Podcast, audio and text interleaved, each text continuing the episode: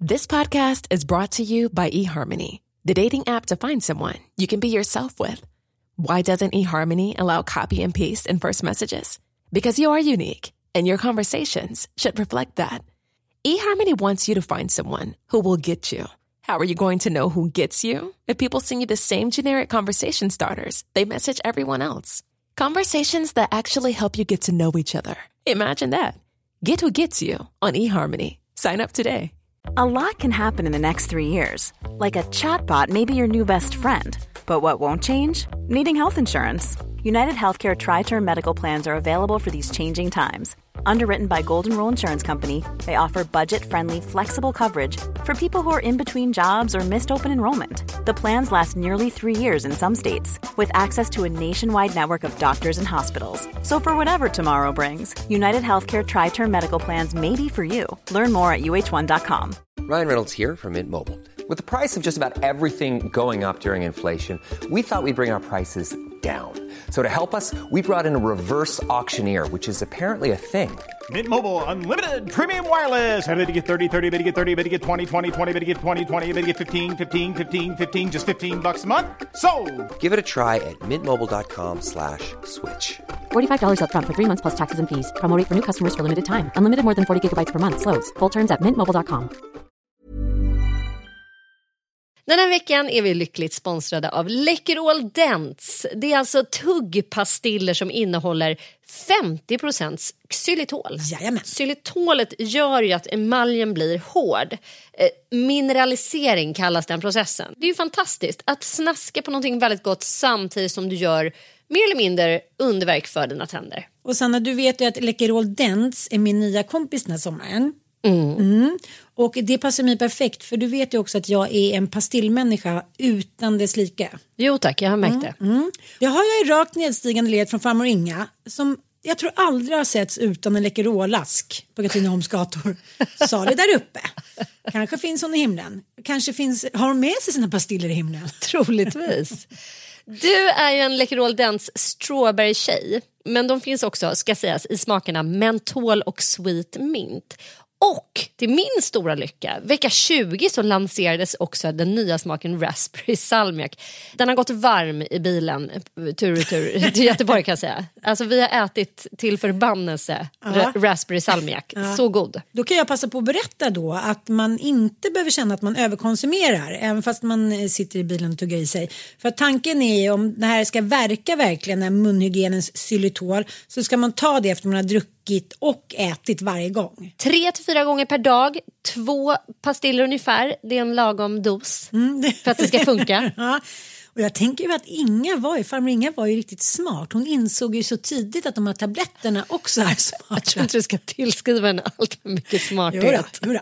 Och så finns de också i en väldigt praktisk liten ask ska sägas. 36 gram, de är lätta att ta med sig i fickan eller i handväskan så att man alltid har dem tillgängliga. Och det är också så fräscht. Det är ju det som är grejen med tuggpastiller av allehanda slag. Att man också känner sig fräsch. Man doftar gott. Man är på gång. Man är beredd på både det ena och det andra. Absolut, det gillar man. Ja, och du vet ju varför jag har skaffat barnlös på min handväska. Tack Läkerol Dents i var kvinnas handväska i sommar. Det kan jag lova. Kära lyssnare, vi vill nu uppmärksamma er på att vi även i vår kommer hålla kurser i medberoendekunskap kan man väl kanske kalla det för. Ja, anhörigskap, ett sätt att hitta eh, sin egen platå brukar vi prata om. Om man känner att man hamnat i en eh, återvändsgränd med någon som står en nära. Och det är som vi har pratat om innan att eh, vem som helst som anser att den har hamnat i en problematisk situation med eh, någon som har ett beroende. Det kan ju vara träning, eh, man kan vara anhörig till sin eh, pappa som är psykiskt sjuk eller dricker för mycket. Det finns många olika ja, anhörigskap eller medberoenden och alla är välkomna på de här kurserna. Och det är så här att vi har ju utforskat eh, Zoom, Zoomens fantastiska värld. Så kurserna hålls via Zoom, det vill säga att du kan sitta tryggt och säkert hemma i ditt hem och eh, delta via Zoom. Eh, vi kommer dra igång nya kurser. Eh, det är åtta tillfällen, en och en halv timme per träff. Med start den 2 februari 19.00 är den första kursen och så åtta tillfällen framåt. Man är max 12 deltagare i varje grupp. Och eh, våra träffar inleds då med en kunskapsspäckad föreläsning med antingen mig eller Ann och sen går vi vidare med delningar, det vill säga att alla ni som är med på kursen får dela med er av det som ligger er närmast hjärtat. Nytt för i vår är också att vi kommer att hålla lunchkurs på torsdagar med start den 4 februari, åtta torsdagar framåt, lunch. Mm. Från klockan 12 till 13.30. Ni haspar i ordning er lilla lunch och så slår ni er ner framför Zoom och så har vi eh, fantastiska eh, lärorika träffar om medberoende och anhörigskap och framförallt så får ni verktyg att ta er ut ur eh, medberoende. Hörni, om ni är intresserade av de här kurserna, de börjar som sagt, tisdagskurserna, kvällskurserna börjar den 2 februari och eh, lunchkurserna börjar den 4 februari. Vill ni vara med på de här kurserna, skicka ett DM på Instagram till mig. Sanna Lundell heter jag på Instagram. Bra! Eller hur? Det här är ju fantastiskt. Vi hade ju en kurs i höstas som var något av det mäktigaste som jag har fått ta del av i alla fall. Tio fantastiska kvinnor som gjorde varsin helt enorm resa och det var, det var så mycket glädje, det var så mycket kärlek, det var så mycket också sorg som kom fram förstås. Men vi fick se helande på hög nivå, vilket var väldigt, väldigt fint. Vi har även eh, en sida på Facebook om ni vill gå in och läsa lite mer och den heter Djävulsdansen. Så tveka inte utan anmäl er, det kommer göra er gott. Vi är så glada att få kunna hjälpa till.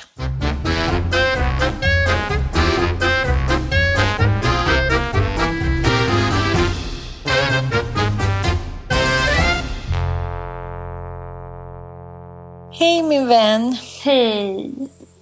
Hur är det med dig? Jag vet inte, nu blev jag glad för det kom ett blomsterbud till mig och en fin liten lapp från dig. Då blev jag glad. Det känns som att jag typ har så här, gift mig. Det kommer så här, blomsterbud och folk kommer chokladbud. Och nu var Frida här med lasagne till alla. Och, ja, men du vet, alla är så gulliga. Jag känner mig helt liksom... Jag känner mig så överväldigad av kärlek. Jag är liksom... Ja, men du vet, som, det känns som att nå, liksom, det är massa osynliga stjärnor som backar upp mig på något sätt. Det är väldigt, väldigt fint. Och det, jag, jag tycker det är så fint när folk tycker att det är viktigt att, så här, att berätta personliga minnen, även fast de aldrig har träffat mig eller min syster eller ja, du förstår, eller fast det var många år sedan. Och det är så roligt. Det var så här, som, de hade ett, en minnes vad heter det, en minnesartikel i Katrin Omskrin när han började sin karriär. Och det stod så här, ja, sen skulle jag komma tillbaka där 1969 och ta över pappas eh, möbelaffär. Jag bara, va? Köris, möbelhandel, det hade jag liksom ingen aning om. Men det höll ju inte så länge. Och återkommande så var det så här, i alla artiklar och när hans vänner berättade så här, bohemen Göran Södlund. Jag, jag bara, va? Jag har alltid tänkt att det var mamma som var bohemen, men det var tydligen pappis också. Men det var chockartat alltså, herregud. Alltså det är så, det är alltid overkligt och, det, och, och man kan ju på, på ett sätt nästan aldrig liksom förutspå när döden ska inträffa förstås. Liksom, men man kan ju vara mer eller mindre förberedd ändå. Ja, ja. På olika sätt. Om någon, jag menar din mamma som hade varit väldigt sjuk länge och, och ni liksom blev briefade om vad som komma skulle. Men, men det här kändes ju så jävla som att någon bara ryckte mattan under fötterna på något sätt. Ja, men det är flera som har hört sig som brukar lyssna på din och min podd också som är så här, gud det känns som vi känns, känner köris. och ja, vi pratade om det bara för några veckor sedan att, att jag sa då att, att pappa skulle skulle flytta då från, från Rosmarie då i, i Tranås att han lä- längtade tillbaka till Katrineholm. Och sen så ju närmare eh, det blev så blev han ju liksom, ja, började han ju ångras lite. Han kanske förstod också hur härligt han hade det. Och vad skulle han göra så här i Katrineholm? Han kunde ju knappast gå. Han väntade ju på en operation och jag fick ju höra av Rosmarie att läkarna hade sagt att så här, men jag tror att du max, kommer leva tre år till. Och om, om du gör den här operationen så inte ens säkert att du överlever. Så det var en massa grejer som han inte hade sagt. Och Var då- det liksom aortabrocket?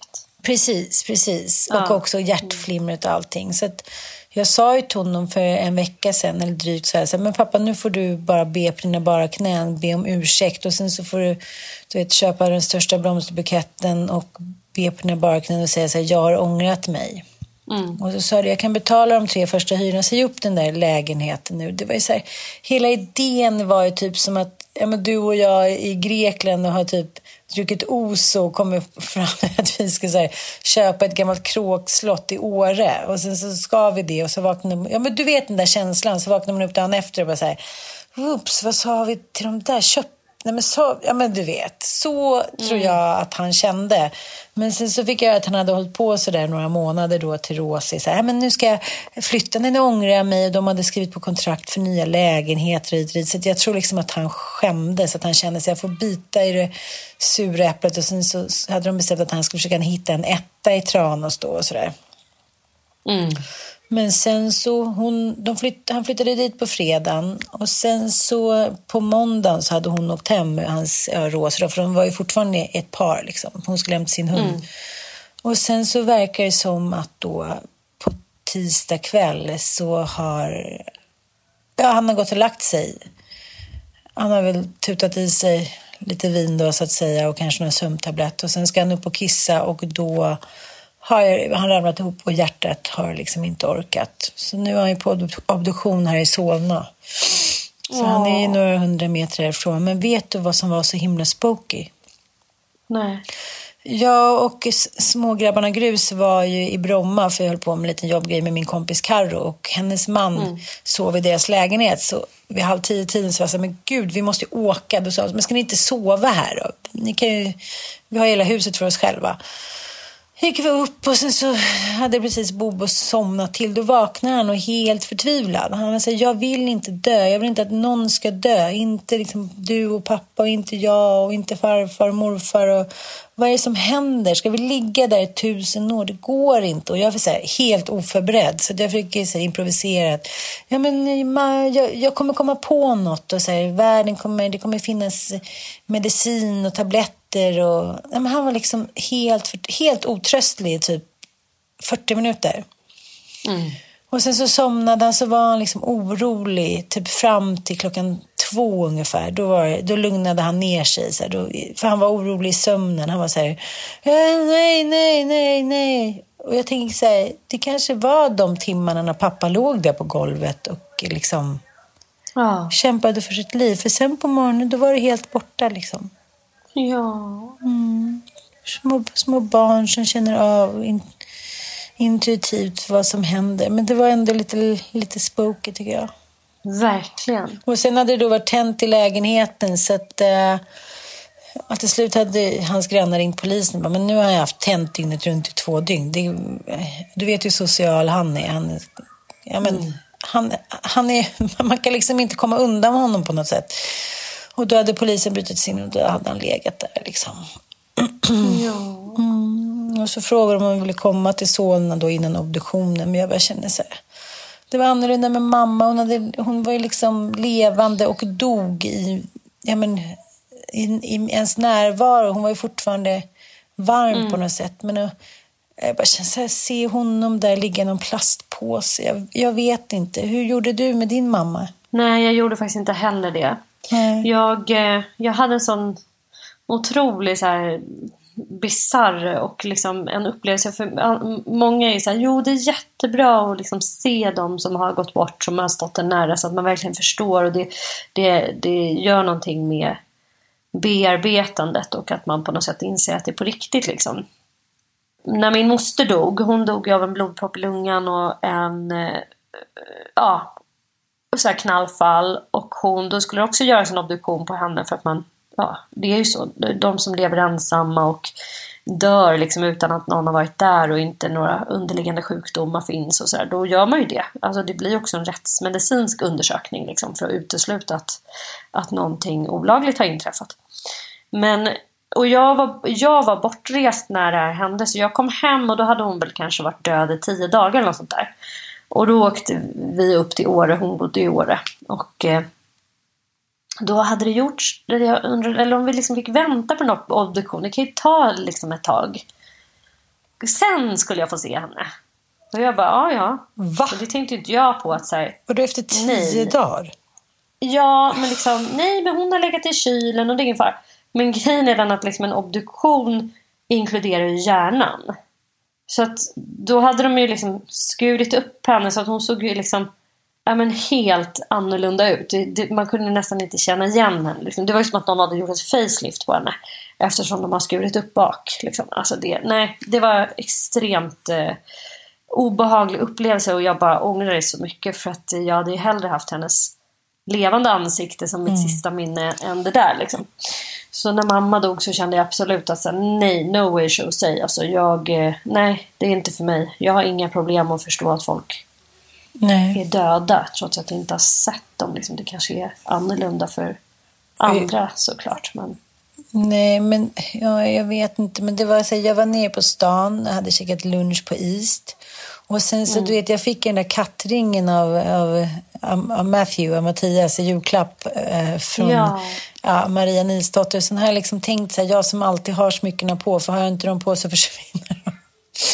Eh, och eh, då tänker jag inte gå omkring med liksom en fet katt på fingret. Och sen är jag lite rädd för katter så jag tänkte så här, ja, nej men jag, jag, jag byter mot någonting som jag vill ha. Och så följde min kompis Jenny med mig och sen så eh, gick vi in där då och eh, så hängde det liksom ett litet halsband med en liten guldkula. Och mamma hade alltid ett, ett halsband med en stor guldkula på. Det var hennes signum.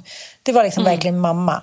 Jag bara, men gud vad fint. Åh, så, jag tror jag ska byta mot den. Och så tog jag någon ring och lite sådär. Och så gick vi ut därifrån och då hade min syrra ringt och var så här, du måste ringa nu. Då, då blev jag ju orolig eftersom nu kan jag berätta om det men min kära syster som fyller 50 år den 11 maj och eh, ja, har kropp i och för sig som en 20-åring så det är inte det. Men hon ska efter många års försök att bli gravid då med sin nya snubbe få en bebis om sju veckor och eh, precis samtidigt som, som Stina, hennes dotter, fyller 25. Så det, det är 25 år sedan hon liksom födde sitt första barn. Och det, är- ja, men det är bara ett, liksom ett otroligt mirakel. Jag tänkte nej men ingenting kan ha hänt nu.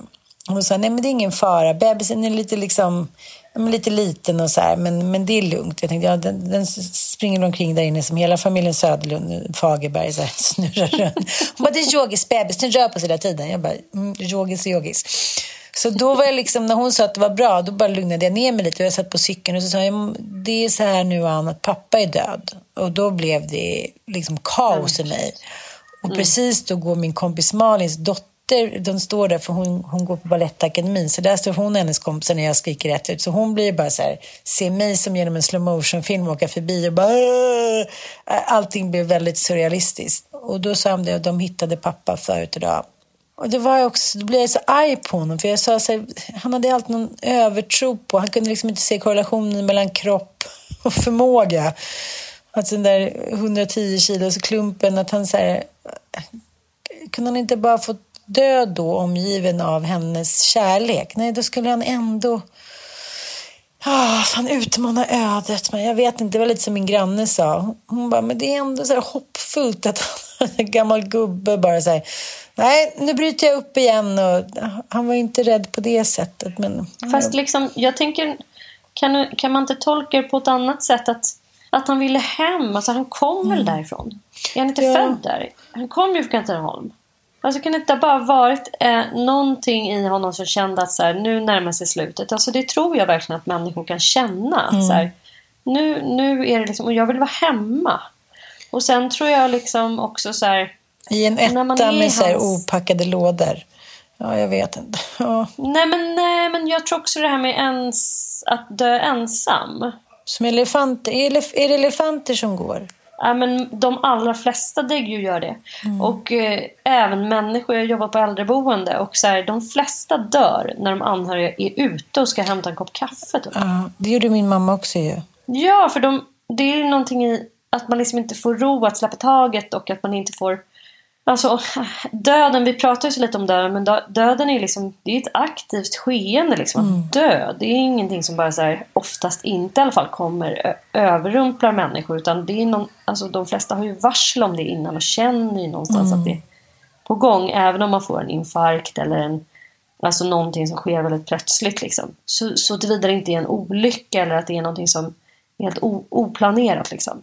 Nej, men jag vet, men han skulle ju opererat sig förra året, sen blev det uppskjutet av corona, så skulle han ju operera sig nu, men jag vet inte, han... han, han... Jag tycker bara också att det är så, här, så jävla sjukt att så här, coronan har ju liksom tagit det här år, det sista året i hans liv Mm. från dig.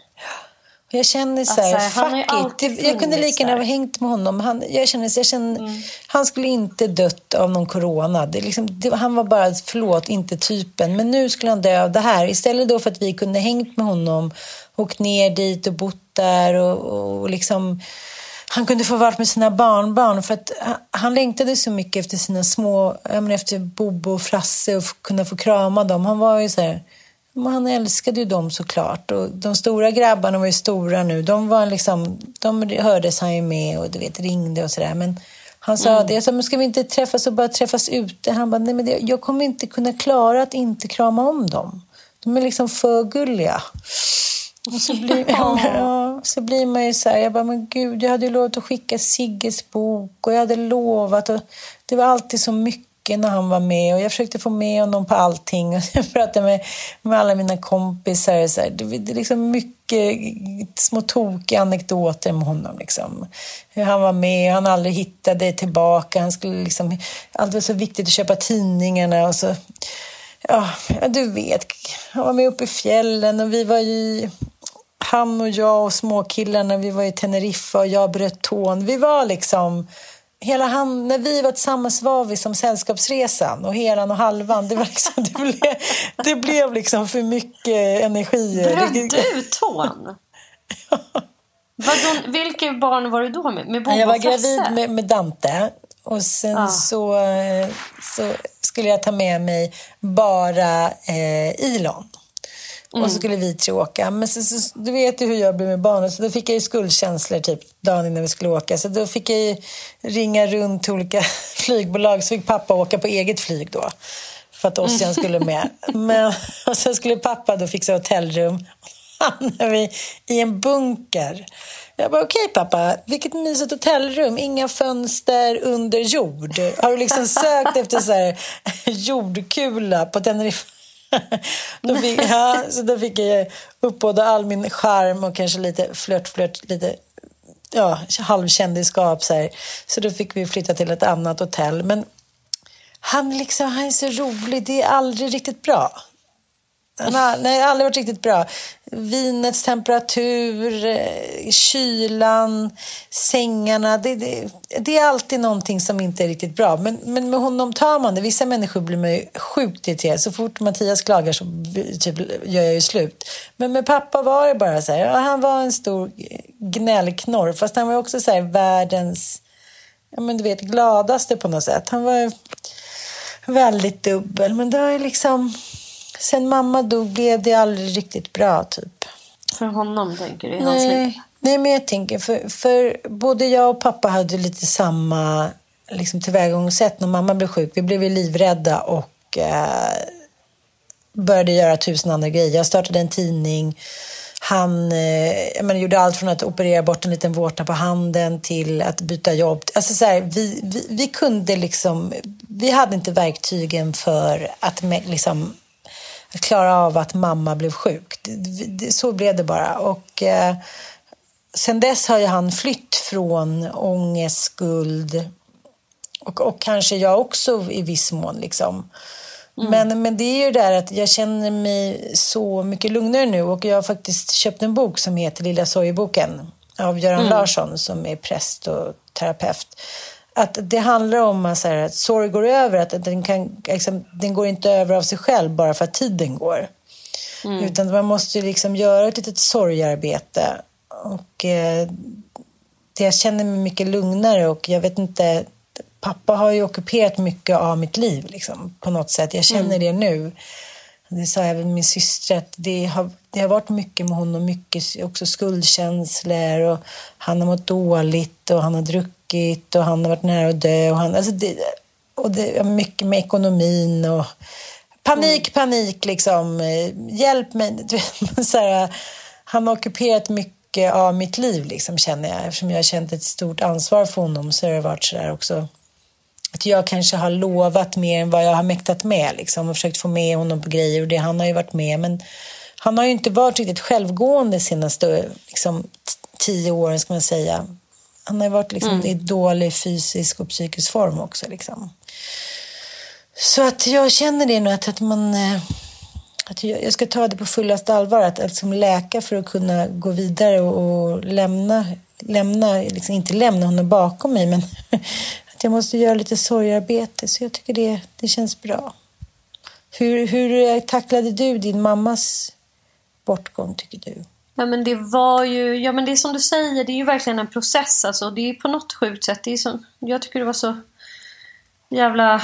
Alltså det, träff, det var så träffande som du sa. Att så här, fan, pappa, jag, att du hade behövt få vara någons dotter liksom ett tag mm. till. Och det, så är det ju när ens föräldrar dör. Att så här, dels så är man ju helt plötsligt så här, nej men man är inte ett barn längre. Man blir på något sätt eh, fullständigt vuxen. Mm. Tror jag, när ens föräldrar faktiskt dör. För att mm.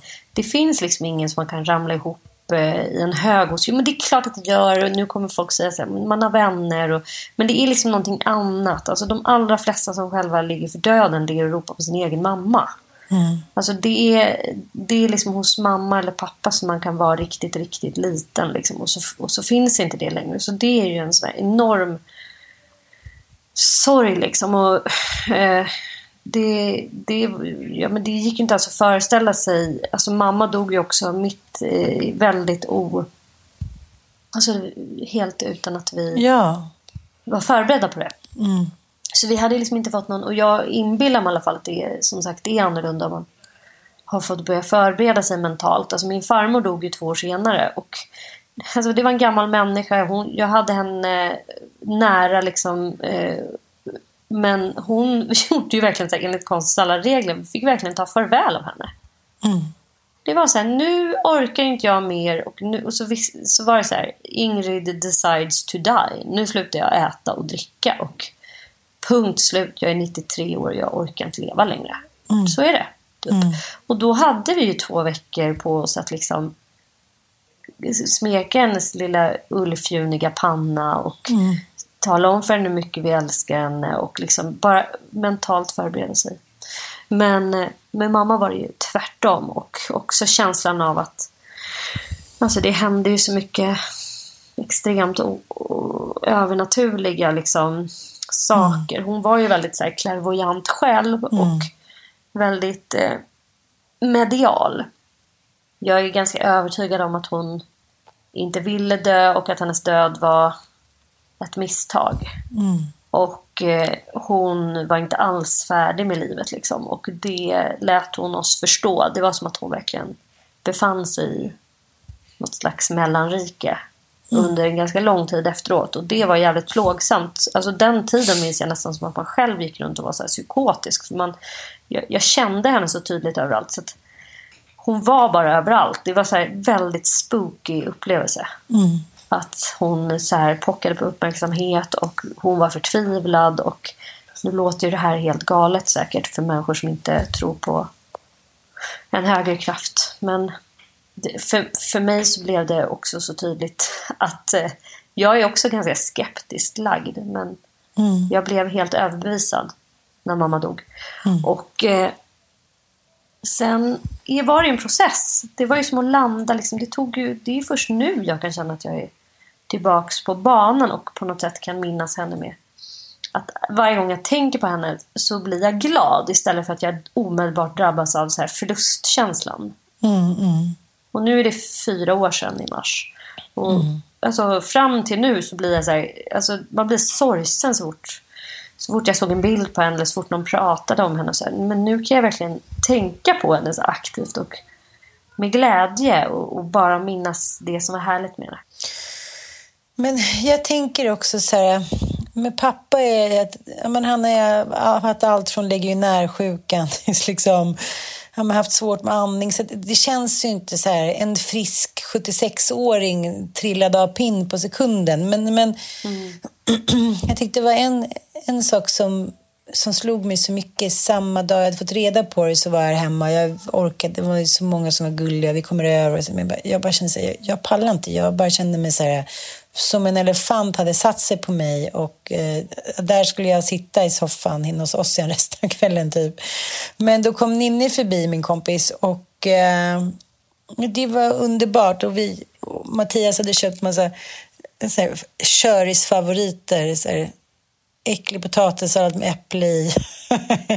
Olika ja, men så här, underbara skinkor och salamisluringar och ostar och gott rödvin. Så alltså, vi, men vi satt och grät och skrattade och kramades. Och, och det var så himla underbart. Och jag, jag, på något sätt så kände jag mig för första gången på många år lite lugnare. Mm. För det är också lite ja. som med pappa, att han är svårt att förklara. Ja. Men han har liksom varit väldigt mycket ja. jag och vice versa. Det, är så här, det har varit svårt att stå fri och där har liksom mitt medberoende inte riktigt... Alltså jag har liksom inte kunnat stå fri från honom. Och när mamma dog och var sjuk och liksom... Min syrra var ju tidigt tydlig med att så här, jag tänker inte hålla på och finnas där för dig när du krökar och kör den här galenskapen. Mm. Medan jag har varit så här, men vem ska annars vara med honom? Så här, vem ska annars ta hand om honom? Och det har ju varit jävligt gränslöst emellanåt och det är klart att mycket så här, minnen och galenskap kommer upp nu och jag, jag vet inte vad som är rätt och fel men liksom, det är också så svårt med människor som är så otroligt snälla. Han är så här, som, men i den här hommagen Expressen Cecilia, alla så här, Torgny Mogren och Gunde Svan och liksom att han, han var så här, att, att han var en av de få som aldrig missbrukade ett förtroende. Han, han var liksom inte lagd så. Det ser jag väldigt mycket i, i min Elon att så här, nej, det man säger får man göra och det ska vara korrekt och riktigt och liksom man är en schysst person. Det finns inga baktankar eller lismande eller att man ska, ska gå över lik för att komma någonstans på gott och ont. Liksom. Utan han, han var bara en väldigt, väldigt snäll person som, som vi pratade om förut, du och jag. Våra pappor är liksom uppväxta i ett, ett arbetarsverige. Det var så Socialdemokraterna mm. och det var du vet, köttbullar under fläkten. Det, det, här, man, ibland fanns det inga pengar och då käkade man gröt och barnen fick klara sig bäst de ville. Det, var, det, var liksom en, det fanns inga verktyg, kognitiva verktyg för att man skulle här, bearbeta sig bakåt i barndomen och se vad man hade fått med sig från sina föräldrar. Det var så här, ja, men what you see is what you get och man levde hand i mun från dag till dag. Och mm. att man själv försöker se och försöka liksom bearbeta sina brister och, och tillkortakommanden och det, från barndomen och från föräldrarna hit och dit. Men det fanns ju inte ens liksom... Det fanns ju inte på kartan för dem. Alltså, Nej. Det är också så här, jag tror att de också kom ur en sån, alltså, som du säger, ett helt annat Sverige, en helt annan historisk kontext där man för fan knappt hade mat för dagen. Vem Nej. hade tid och möjlighet att fundera över sin barndom eller sina brister? Och för övrigt tyckte man liksom inte ens att det var en karaktärsdefekt att supa sig packad på fredagen. Nej. Alternativt supa sig packad när ens fru hade dött. Liksom. Utan det är så här, ja, det är så vi hanterar livet eh, mm. eftersom livet för det mesta är för jävligt. Så att liksom, ja, de, de historiskt sett, men jag tänker jag känner ändå, jag tror att jag förstår lite grann den här känslan som också är nästan lite, kan, kan också kännas så här skuldtyngd men när mamma dog så var det ju också på något sjuk jävla sätt en lättnad. Mm. Och jag hade så svårt att liksom ta in det och så här, erkänna det på något sätt. Liksom. Men det var det. Det var mm. som att det var liksom ett ton engagemang, oro, den här osynliga, det här som bara ligger alltid så här, okej okay, det är jul, undrar vad mamma ska göra i jul. Mm. Hur, ska mamma, hur ska mamma bli lycklig i jul? Att hela mm. tiden se till att mammas liksom, lyckokvot skulle hållas hög på något sätt. Mm, jag, jag känner mig väldigt ansvarig för det. Mm. Och eh, det, den bördan eller vad man ska säga, för det var, det var verkligen på ett sätt en börda jag fattar att hon har inte krävt det av mig utan det där har legat som ett medberoende konstant ända sedan jag var barn. Liksom. Eh, något slags ansvar som jag har tagit på mig också har blivit ett mönster liksom, genom livet. Hon skulle säkert bli helt förtvivlad om hon hörde att jag sa så här. Men, men så var det ju. Det var verkligen en, en, en börda som lättade. Och jag tänker också att det, det är klimatet att pappa också kunde spela lite på det, att det var synd om honom, att jag så tidigt kände det. Att så här, när far, på farfars begravning, då var ju jag fyra år, precis som Frasse är nu. Och Frasse, liksom, han försöker ju inte ta på sig min sorg. Han, ja, men han satt ju här inne första kvällen och så här, är morfar död? Och så dagen efter skulle han skriva Göran. Och, men han står liksom fri och stark i det och kan trösta mig och sen gå tillbaka till sitt känsloliv på något sätt. Och det gäller även Bobo. Men alltså jag från fyra års ålder och egentligen fram till nu har liksom varit ockuperad av vad min far är i livet och hur han mår, om det är synd om honom, om jag någonstans måste hjälpa honom, om jag har skuldkänsla för att jag inte kan ge honom tillräckligt mycket pengar eller och nu hade jag precis swishat då för att han skulle köpa en dammsugare. Det kändes också helt absurt att swisha till himlen typ. så också så, väldigt symboliskt att det sista jag gör är... Men... Ja, men alltså det... har ju jag tänkt på i en relation. Jag, känner, jag har ju liksom inte en enda polare som så här försörjer typ sin... alltså så här, beställer Linas matkassar, åker och köper skor och Alltså din vilja har ju varit så enormt god att liksom förse honom med ett gott liv och att dela med dig av ditt då eventuella överflöd. Liksom. Alltid en liten sudd till din farsa. Man bara, men alltså vad, vad är grejen här liksom? Att han är så här... Det är inte så att han har varit sjukpensionär heller. Liksom, utan... Nej, men han har också varit... Alltså, det är också i rakt nedstigande led från farmor. Så här, att, nej, jag kanske inte liksom, har klarat det här så bra själv, men då ska ni fixa det. Och det var ju så, de pyttade ju inte fa farmor Inga. Liksom. Hon, ja. men, jag, jag, tror bara att det, det fanns ingen skam i det. Jag kommer ihåg den där famösa resan då till Teneriffa när jag bröt tån. och skulle till ja, men, ja, hur som helst. Och sen, så då bjöd jag på resan och så kom hem. Då hade han lagt ut 500 kronor för hyrbilen. Och då var det direkt så här, hej hej, tack för resan, så, här, så trevligt. Men nu pockar pockar hyran på. Liksom, så här, skulle du kunna eh, ja, sätta in de där 500 kronor? För... Jag bara, men pappa, den snåla tjockis. Och det här är liksom, det här är 15 år sedan snart. Jag bara, gud, det här har liksom pågått forever and ever. Liksom.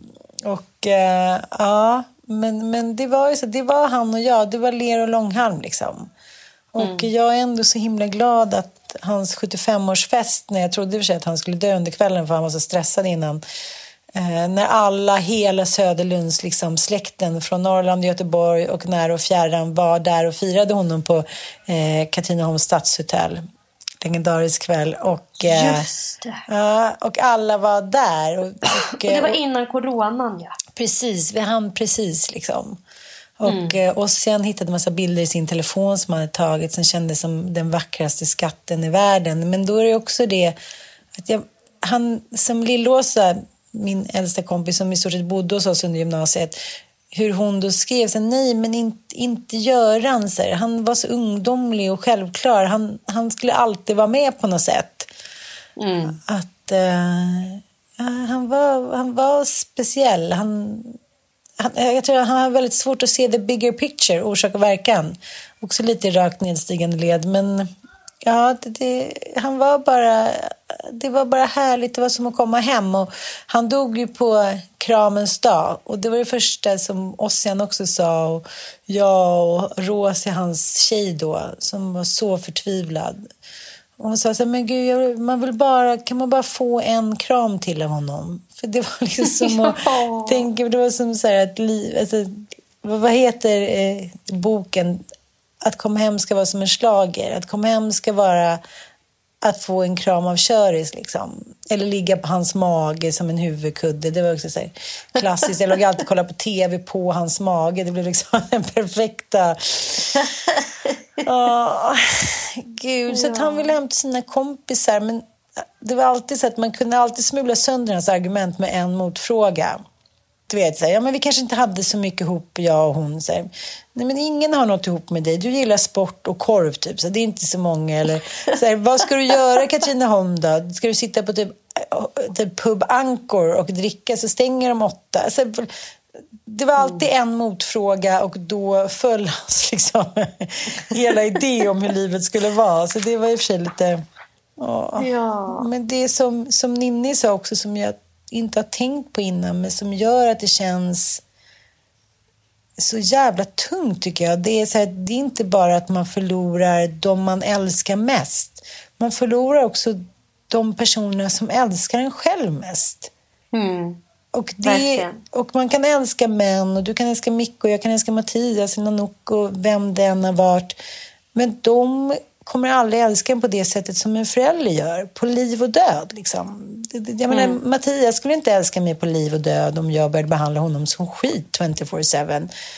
Han skulle inte göra det om jag liksom, låg med en annan karlslok när han kom hem eller var, mm, söp ner mig och var elak mot hans barn. Men, men i samma liksom, relation som man är, som du och jag så pratar om i våra medberoende, det eviga dilemmat för både föräldrar och barn. Hur lämnar man ett barn? Hur, hur överger man en förälder? Det är ju liksom förlängningen av en själv. Så det tyckte jag, det har jag gått och tänkt på så mycket. Han var ju den människan på hela jorden som älskade mig mest, som var levande. Alltså, så, nu har jag mina barn och det är ju samma sak. Men du förstår vad jag menar? Som är Jo, liksom, men liksom villkorslös kärlek. är- Alltså barn eh, älskar ju förstås sina föräldrar men som vi har varit inne på i något tidigare avsnitt, jag tror nästan det är typ ett år sedan vi pratade om det. Att liksom ett vuxet barn, klart att man, de hyser kärlek också men hela deras eh, fri, frigörelseprocess går ju ut på att sluta liksom älska en som en galenskap liksom. Som en förlängd arm. Ja, Men föräld- för föräldrar upphör ju det där aldrig. Så det är ju precis som du säger att det är så här. Det är också en, en annan del som jag tycker var så här nästan jobb, alltså så fruktansvärt också. Det är att jag förlorade liksom länken till min historia. Ja, jag fattar. Nu är din mamma dött. Hon var ju verkligen ett sammanhållande kitt om jag har fattat det rätt liksom hos er. Och liksom att ni var lite grann spridda för vinden sen, din syrra, din pappa och du liksom. Men mamma var ju verkligen ett sammanhållande shit. Hon såg ju till att liksom ta hand om sin brorsa och sina så här dysfunktionella syskon som hon ändå så här Hey, I'm Ryan Reynolds. Recently, I asked Mint Mobile's legal team if big wireless companies are allowed to raise prices due to inflation. They said yes. And then when I asked if raising prices technically violates those onerous two year contracts, they said, What the f are you talking about, you insane Hollywood ass? F- So to recap, we're cutting the price of Mint Unlimited from $30 a month to just $15 a month. Give it a try at mintmobile.com slash switch. $45 upfront for three months plus taxes and fees. Promo rate for new customers for limited time. Unlimited more than 40 gigabytes per month. Slows. Full terms at mintmobile.com. Ready to start talking to your kids about financial literacy? Meet Greenlight, the debit card and money app that teaches kids and teens how to earn, save, spend wisely, and invest with your guardrails in place. Parents can send instant money transfers, automate allowance, and more. Plus, keep an eye on spending with real time notifications. Join more than 6 million parents and kids building healthy financial habits together on Greenlight. Get your first month free at greenlight.com slash ACAST. That's greenlight.com slash ACAST. Many of us have those stubborn pounds that seem impossible to lose, no matter how good we eat or how hard we work out. My solution is PlushCare. PlushCare is a leading telehealth provider with doctors who are there for you day and night to partner with you in your weight loss journey. They can prescribe FDA-approved weight loss medications like Wagovi and Zepbound for those who qualify. Plus, they accept most insurance plans. To get started, visit plushcare.com slash weight loss. That's plushcare.com slash weight loss. I'm Sandra, and I'm just the professional your small business was looking for. But you didn't hire me because you didn't use LinkedIn jobs. LinkedIn has professionals you can't find anywhere else, including those who aren't actively looking for a new job but might be open to the perfect role, like me. In a given month, over 70% of LinkedIn users don't visit other leading job sites. So if you're not looking on LinkedIn, you'll miss out on great candidates like Sandra. Start hiring professionals like a professional. Post your free job on linkedin.com/spoken slash spoken today. hon var så himla lojal. Hon var liksom så här, lojal med släkten, hon var lojal med sina brorsor, med sin familj. Det hade hon fått med sig hemifrån. Mm. Sista året precis innan hon dog så var hon liksom så jävla förbannad för att vi tre syskon bara Men gud vad fan är det för fel på er? Varför kan ni inte fira jul tillsammans? Mm. Alltså att hon skulle behöva åka så här, till tre olika ställen för att så här, Love skulle åka upp till hans nya tjej. Och, men det här är inga konstigheter liksom. Men för henne var det så här. Varför har jag misslyckats med att få er att hålla ihop? Ja, jag fattar. Liksom jag fattar. Ja. Eh, hon, hon var förtvivlad över det. Hon bara, gud jag hatar, ni ni liksom visar ingen kärlek och lojalitet mot varandra. Utan ni liksom visar mer lojalitet mot era nya partners. Precis som du säger, som kan bytas ut lite hur som helst ju. I modern tid liksom. Man skiljer sig, man träffar någon ny och så här. Herregud, syskon, det är den längsta relationen man har i livet. Hon var så jävla mån om det där. Och eh, mina brorsor, nu- de, det är väl också en, en, på något sätt, om man nu ska hitta någon positiv bieffekt av att mamma dog, så är det att jag kan se nu att de börjar ta ett större ansvar över relationen. De inser liksom att när mamma inte finns där och bjuder in och påtvingar eh, en liksom de, de här relationerna. Du vet, man var som ett så här truligt barn. Så bara, Nej, jag vill inte gå och träffa faster Ingeborg och käka sju sorters kakor. Gud vad tråkigt liksom. Mm.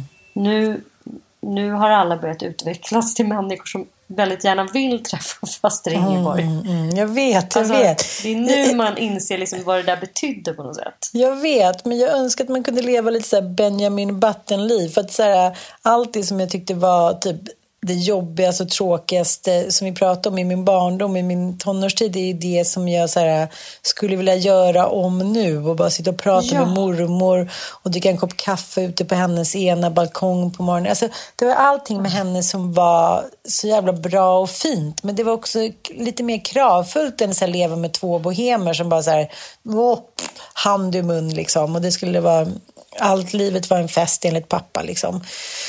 Så att, eh, eh, jag vet inte. Det, det är konstigt. Det är konstigt att vara äldst. Det är konstigt också, det som vi har pratat om i medberoende, det är ju beforskat att liksom barn som växer upp under dysfunktionella förhållanden har inte samma samhörighet och sammanhållning. Och jag... det, det, det, det får mig, alltså jag, jag får panik av det. Och det ser, jag ser det väldigt tydligt bara på Frasse och eh, Bobo hur självklara de är med varandra. Det är så här på liv och död att brorsan är med. Det är sorgligt när brorsan är borta hos en kompis. Det är tråkigt. De går upp på morgnarna, de håller om varandra, de sover nära. Det, för, mig, för mina barn var det ju jag som var viktigast, inte något av syskonen. Och det tycker jag verkar vara den stora skillnaden. Att de, de behöver inte ha samma boja att hålla sig fast i. För det finns överallt. Det finns ingen oro för att något ska hända. Ingen kommer försvinna.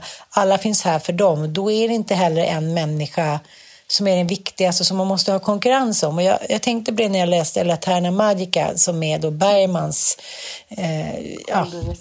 Precis, att här, det är så tydligt hela tiden konkurrensen när hans syrra, lillasyster föds.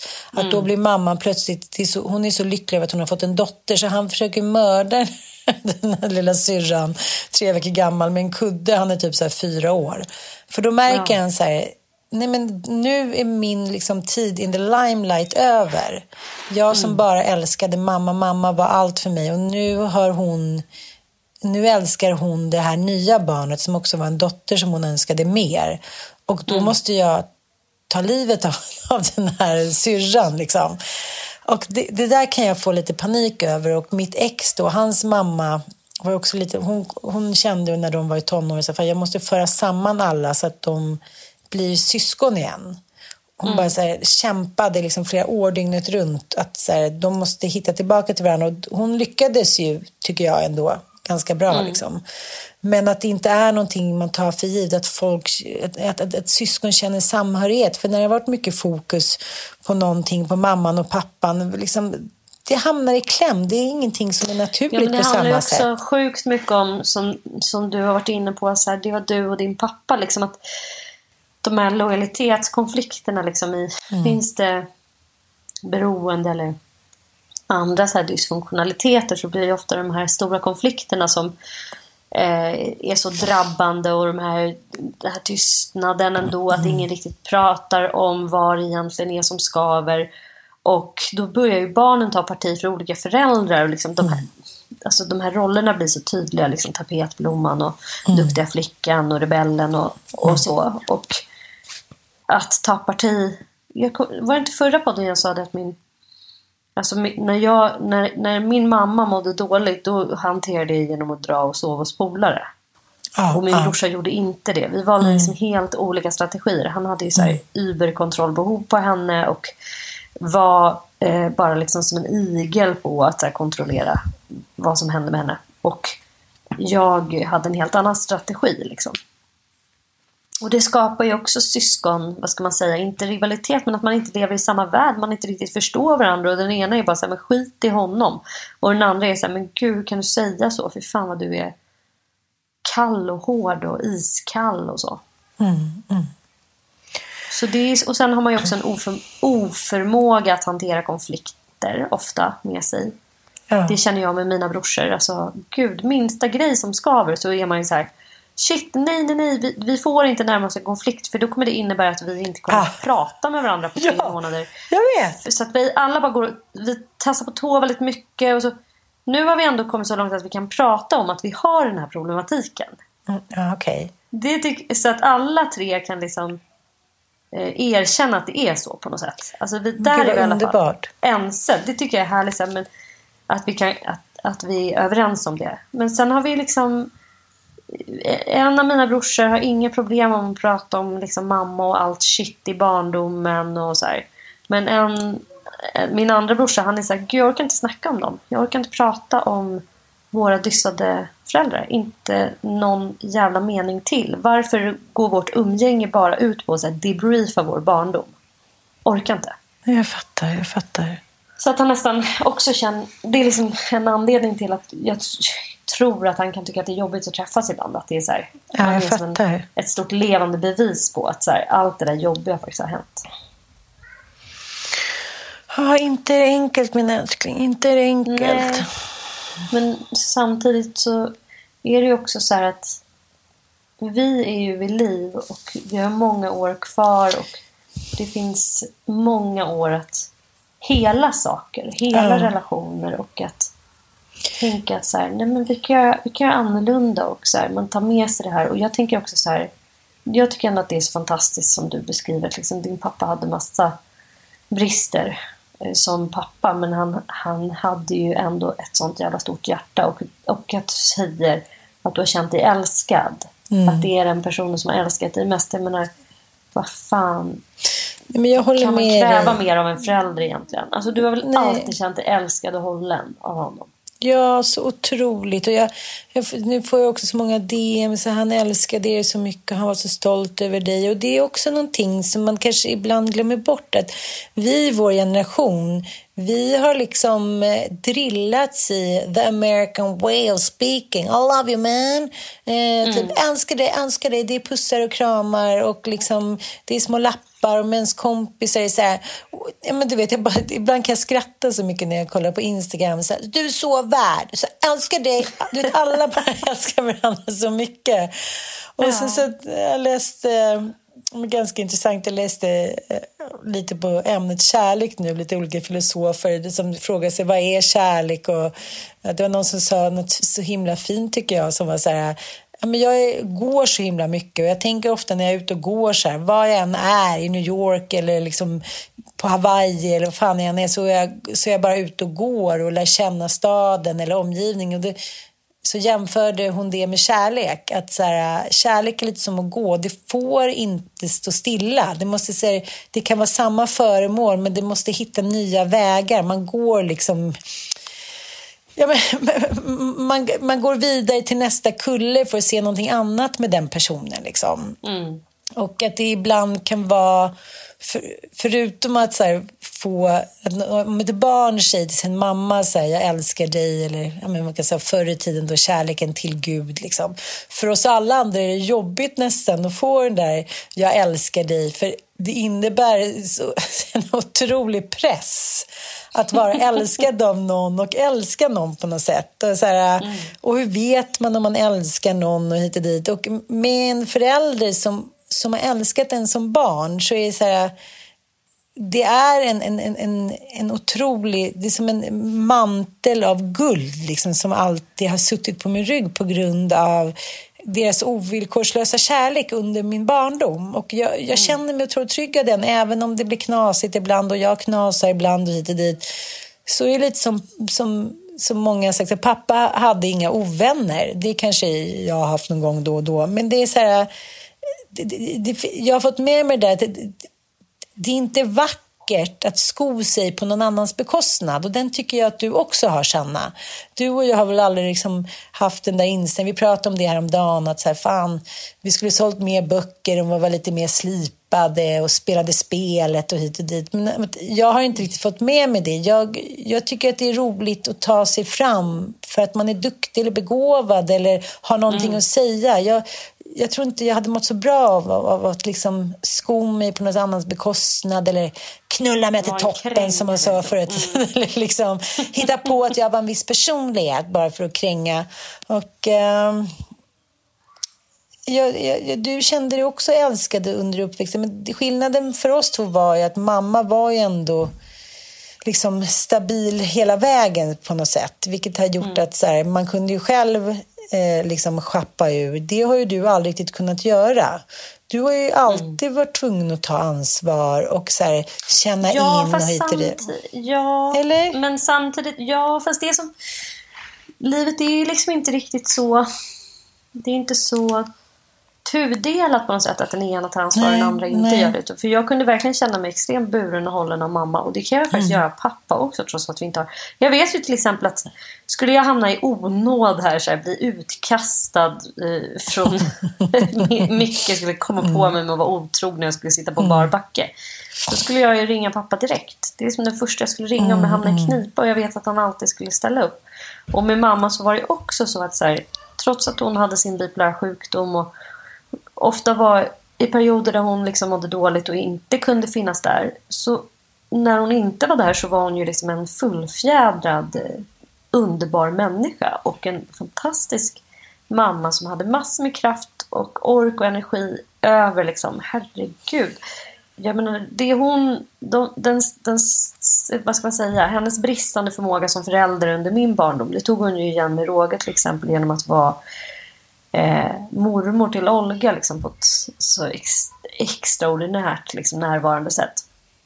Både rent praktiskt, liksom, att hon, hon var i stort sett gratis barnvakt åt mig liksom, två, tre dagar i veckan och bara var liksom så engagerad. Och det var hon ju alla barn. Mm. Och hon fanns verkligen där för mig också. När hon uh. hade förmågan mm. att vara där. Hon tog igen eh, det liksom. Hon tog igen det. Hon hade liksom sina 15 sista år i livet från att hon var 50 fram tills att hon dog.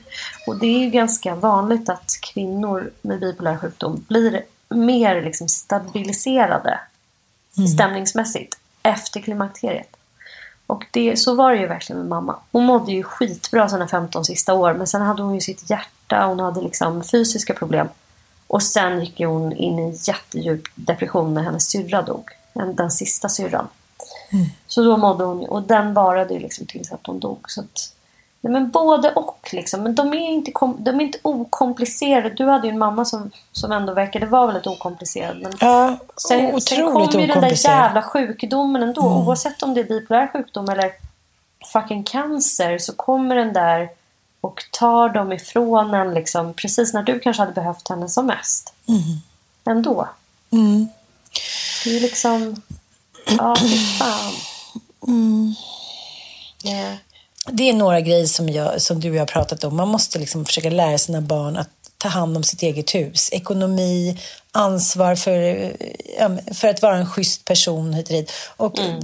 För det ena får man genom att se sina liksom, föräldrar som förebilder, att de är bra människor.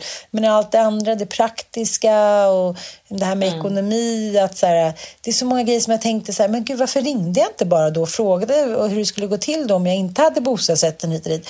Det, det fick jag liksom aldrig med mig och det tror jag handlade om att min mamma tänkte att jag finns alltid här och vi tänkte också det. Så det tycker jag Ja, men jag, man... tror, jag tror också det är sjukt mycket en klassfråga tror jag. Att så fan, du kom från arbetarklass, vad kunde de om så här, aktieplaceringar och... Men mamma Alltså, gjorde ju inte min- det. Farmor och Nej, morfar och mormor de höll på med mycket aktier. Det kom hit och Men dit. tror du inte att det var så här, det, vad ska kvinnorna ha med det att göra då? Men hon var ju liksom bank, hon var ju bankutbildad. Jag tror bara att det handlade om att vi, liksom, hon var för ung och vi var för unga. Och jag tror inte hon tänkte så här att det där, det där får vi ta lite senare, liksom, tror jag vi alla tänkte. Jag hade ju fan precis Mm. slutat gymnasiet. Jag skulle jag så här, hålla på och spara till... Det var inte så då. Det var sen början på 90-talet. Det var väl ingen som... Det var börskrascher liksom för första gången. Folk började bli som pengar. Det var ingen som hade gjort det innan. Och det, det tycker jag också är så jävla sorgligt. För att fram till 90-talet, liksom 2000-talet, så var det ändå en utjämning av klasser och inkomster. Och nu så här, senaste 15 åren så har det blivit liksom värre än någonsin i Sverige. Det har blivit liksom ett tydligare klassamhället. Det är så här, kvinnor i, på Lidingö lever sex år äldre än kvinnorna i övre Torneå. Det är så här, allting dras mot tillbaka till ett vidrigt klassamhälle. Och det tycker jag också känns så här, vad fan, det är ingen som pratar om liksom. Det får vi, bli vår nästa debattfråga tycker jag. Klassamhället. Kanske det vi ska göra en dokumentär Verkligen. om. Det, ja. men framförallt så verkar det vara så här osexigt just nu. Och framförallt så skildras ju inte det eh, i media längre. Eh, man är liksom inte intresserad av att undersöka det och lyfta fram den typen av studier som görs och sådär. Man får ju en hint här och där men det verkar inte intressera människor. Det är som att folk inte vill veta liksom utan så här, nej, men nu har vi en, övre med, en, en stor bred medelklass som vill fortsätta konsumera och leva gött på lånade pengar och åka liksom till, till Thailand för Nej men jag, eh, men jag spår precis som du att det kommer, eh, det kommer inom, inom de närmsta 5-10 åren så tror jag det här kommer vara den hetaste politiska frågan i Sverige. Vad som hände med vårt jämlika Sverige. Precis. Faktiskt. Så det är en hommage till våra eh, pappor kan vi säga. Att, Det gör visst. Det är din pappa. Ja, jag tycker att det är så, det är så fullständigt overkligt för att jag tänker mig alltid honom sittandes i en fåtölj i din lägenhet på något sätt. Det känns som att han skulle kunna vara så här stående inventarier där. Ja. Satt där och så här, kä- käkade några chips med en bit ost på liksom, och en liten god kopp kaffe. Alltså, Ja, och så klagar lite på att jag inte har köpt tillräckligt god skinka. Jaha, fanns det inget annat bröd? Man bara, jag var ju också väldigt irriterad på honom, det går ju inte att komma ifrån. vem fan är inte det på sin pappa? Åh, Ja, nu men ska jag gå och äta du får ha en, lasagne. du Ja, du måste liksom... Fan, jag är så glad att du känner dig hållen av alla som finns i kring dig. Det är nu du, det visar sig också vilken älskad person du är. Liksom. Du har ju en hel... Det tror jag du har fått från din pappa faktiskt. Att du är väldigt... Eh, alltså du är så jävla social och älskar dina vänner. Och det är det du får på något sätt betalt för nu. det kör ju som du payback time. Ja. Är Ät din lasagne. Och försök att ta dig igenom den här veckan också. Alltså det som jag tycker också är en sån jobbig vidrigt jobbig grej det är att man, så här, man är mitt i en stor existentiell kris. Man har förlorat den som älskar mest på hela jorden och då ska man förväntas ta tag i så praktiska grejer. Jag vet. Så- Rensa och så här, det är så bisarrt att så här, sitta och åka till så här, Katrineholm och sätt, alltså, dra igång sin kognitiva liksom, så här, planeringshjärna. Och, så här. Det, är- det är helt sjukt. Jag, jag, så jag vill att du ska veta att du behöver hjälp. Vill att jag ska liksom följa med dig och rensa och plocka och greja så för att hojta Men till. det är också så att sjukt. Det blir som så här avsluta hans liv med en liten Kafka-roman. Ta reda på var hans bil står, hans cykel. Det är inte ens uppackat. Han bodde i den där lägenheten i tre dagar. Alltså, det är helt Nej, det är absurt. Så jag är säga, detektivarbetet Södlund. Så, här, Ursäkta, är det någon som har sett Köres lilla bil? Ursäkta, som, jag vet inte ens vad han liksom, vem som äger hans läger. Ja, det är så märkligt. Men, men nu ska jag gå och käka lite lasagne och, eh, och titta på de fina blombuketterna jag fick av dig, älskling. Puss och kram. Ja, vi hörs. Puss puss. puss, puss. Hi, this is Kristen. And this is Jen from My Mom So Hard. And we're here to talk about By Heart. Do you remember when you were nursing and you were like, I want to give the best thing I can to my baby? Well, we've got that for you. It's called By Heart, and it is a infant nutrition company built from the ground up to deliver real innovation on behalf of babies and parents. Curious about By Heart? Redeem your welcome offer at byheart.com slash podcast with code MOMS20 for a limited time. Additional terms and conditions apply. Tell them my mom so hard sent you. Hello, this is Danny Pellegrino, host of the Everything Iconic podcast, and I'm here to tell you all about Splash Refresher because hydration is mandatory, but boring is not. Now, I love my water, but if I don't spice it up, I'm not going to finish what I took out of the fridge. That's why I love my Splash Refresher, which is flavorful, delicious, bright, hydrating, and zero calories. The wild berry flavor is my fave. No, wait, is the pineapple mango flavor my fave? You know what? All five craveable splash refresher flavors are my fave because they're so delicious. So get hydrated and enjoy it with Splash Refresher. Imagine the softest sheets you've ever felt. Now imagine them getting even softer over time. That's what you'll feel with Bowl and Branch's organic cotton sheets. In a recent customer survey, 96% replied that Bowl and Branch sheets get softer with every wash. Start getting your best night's sleep in these sheets that get softer and softer for years to come. Try their sheets with a 30-night guarantee. Plus, get 15% off your first order at bowlandbranch.com. Code BUTTERY. Exclusions apply. See site for details.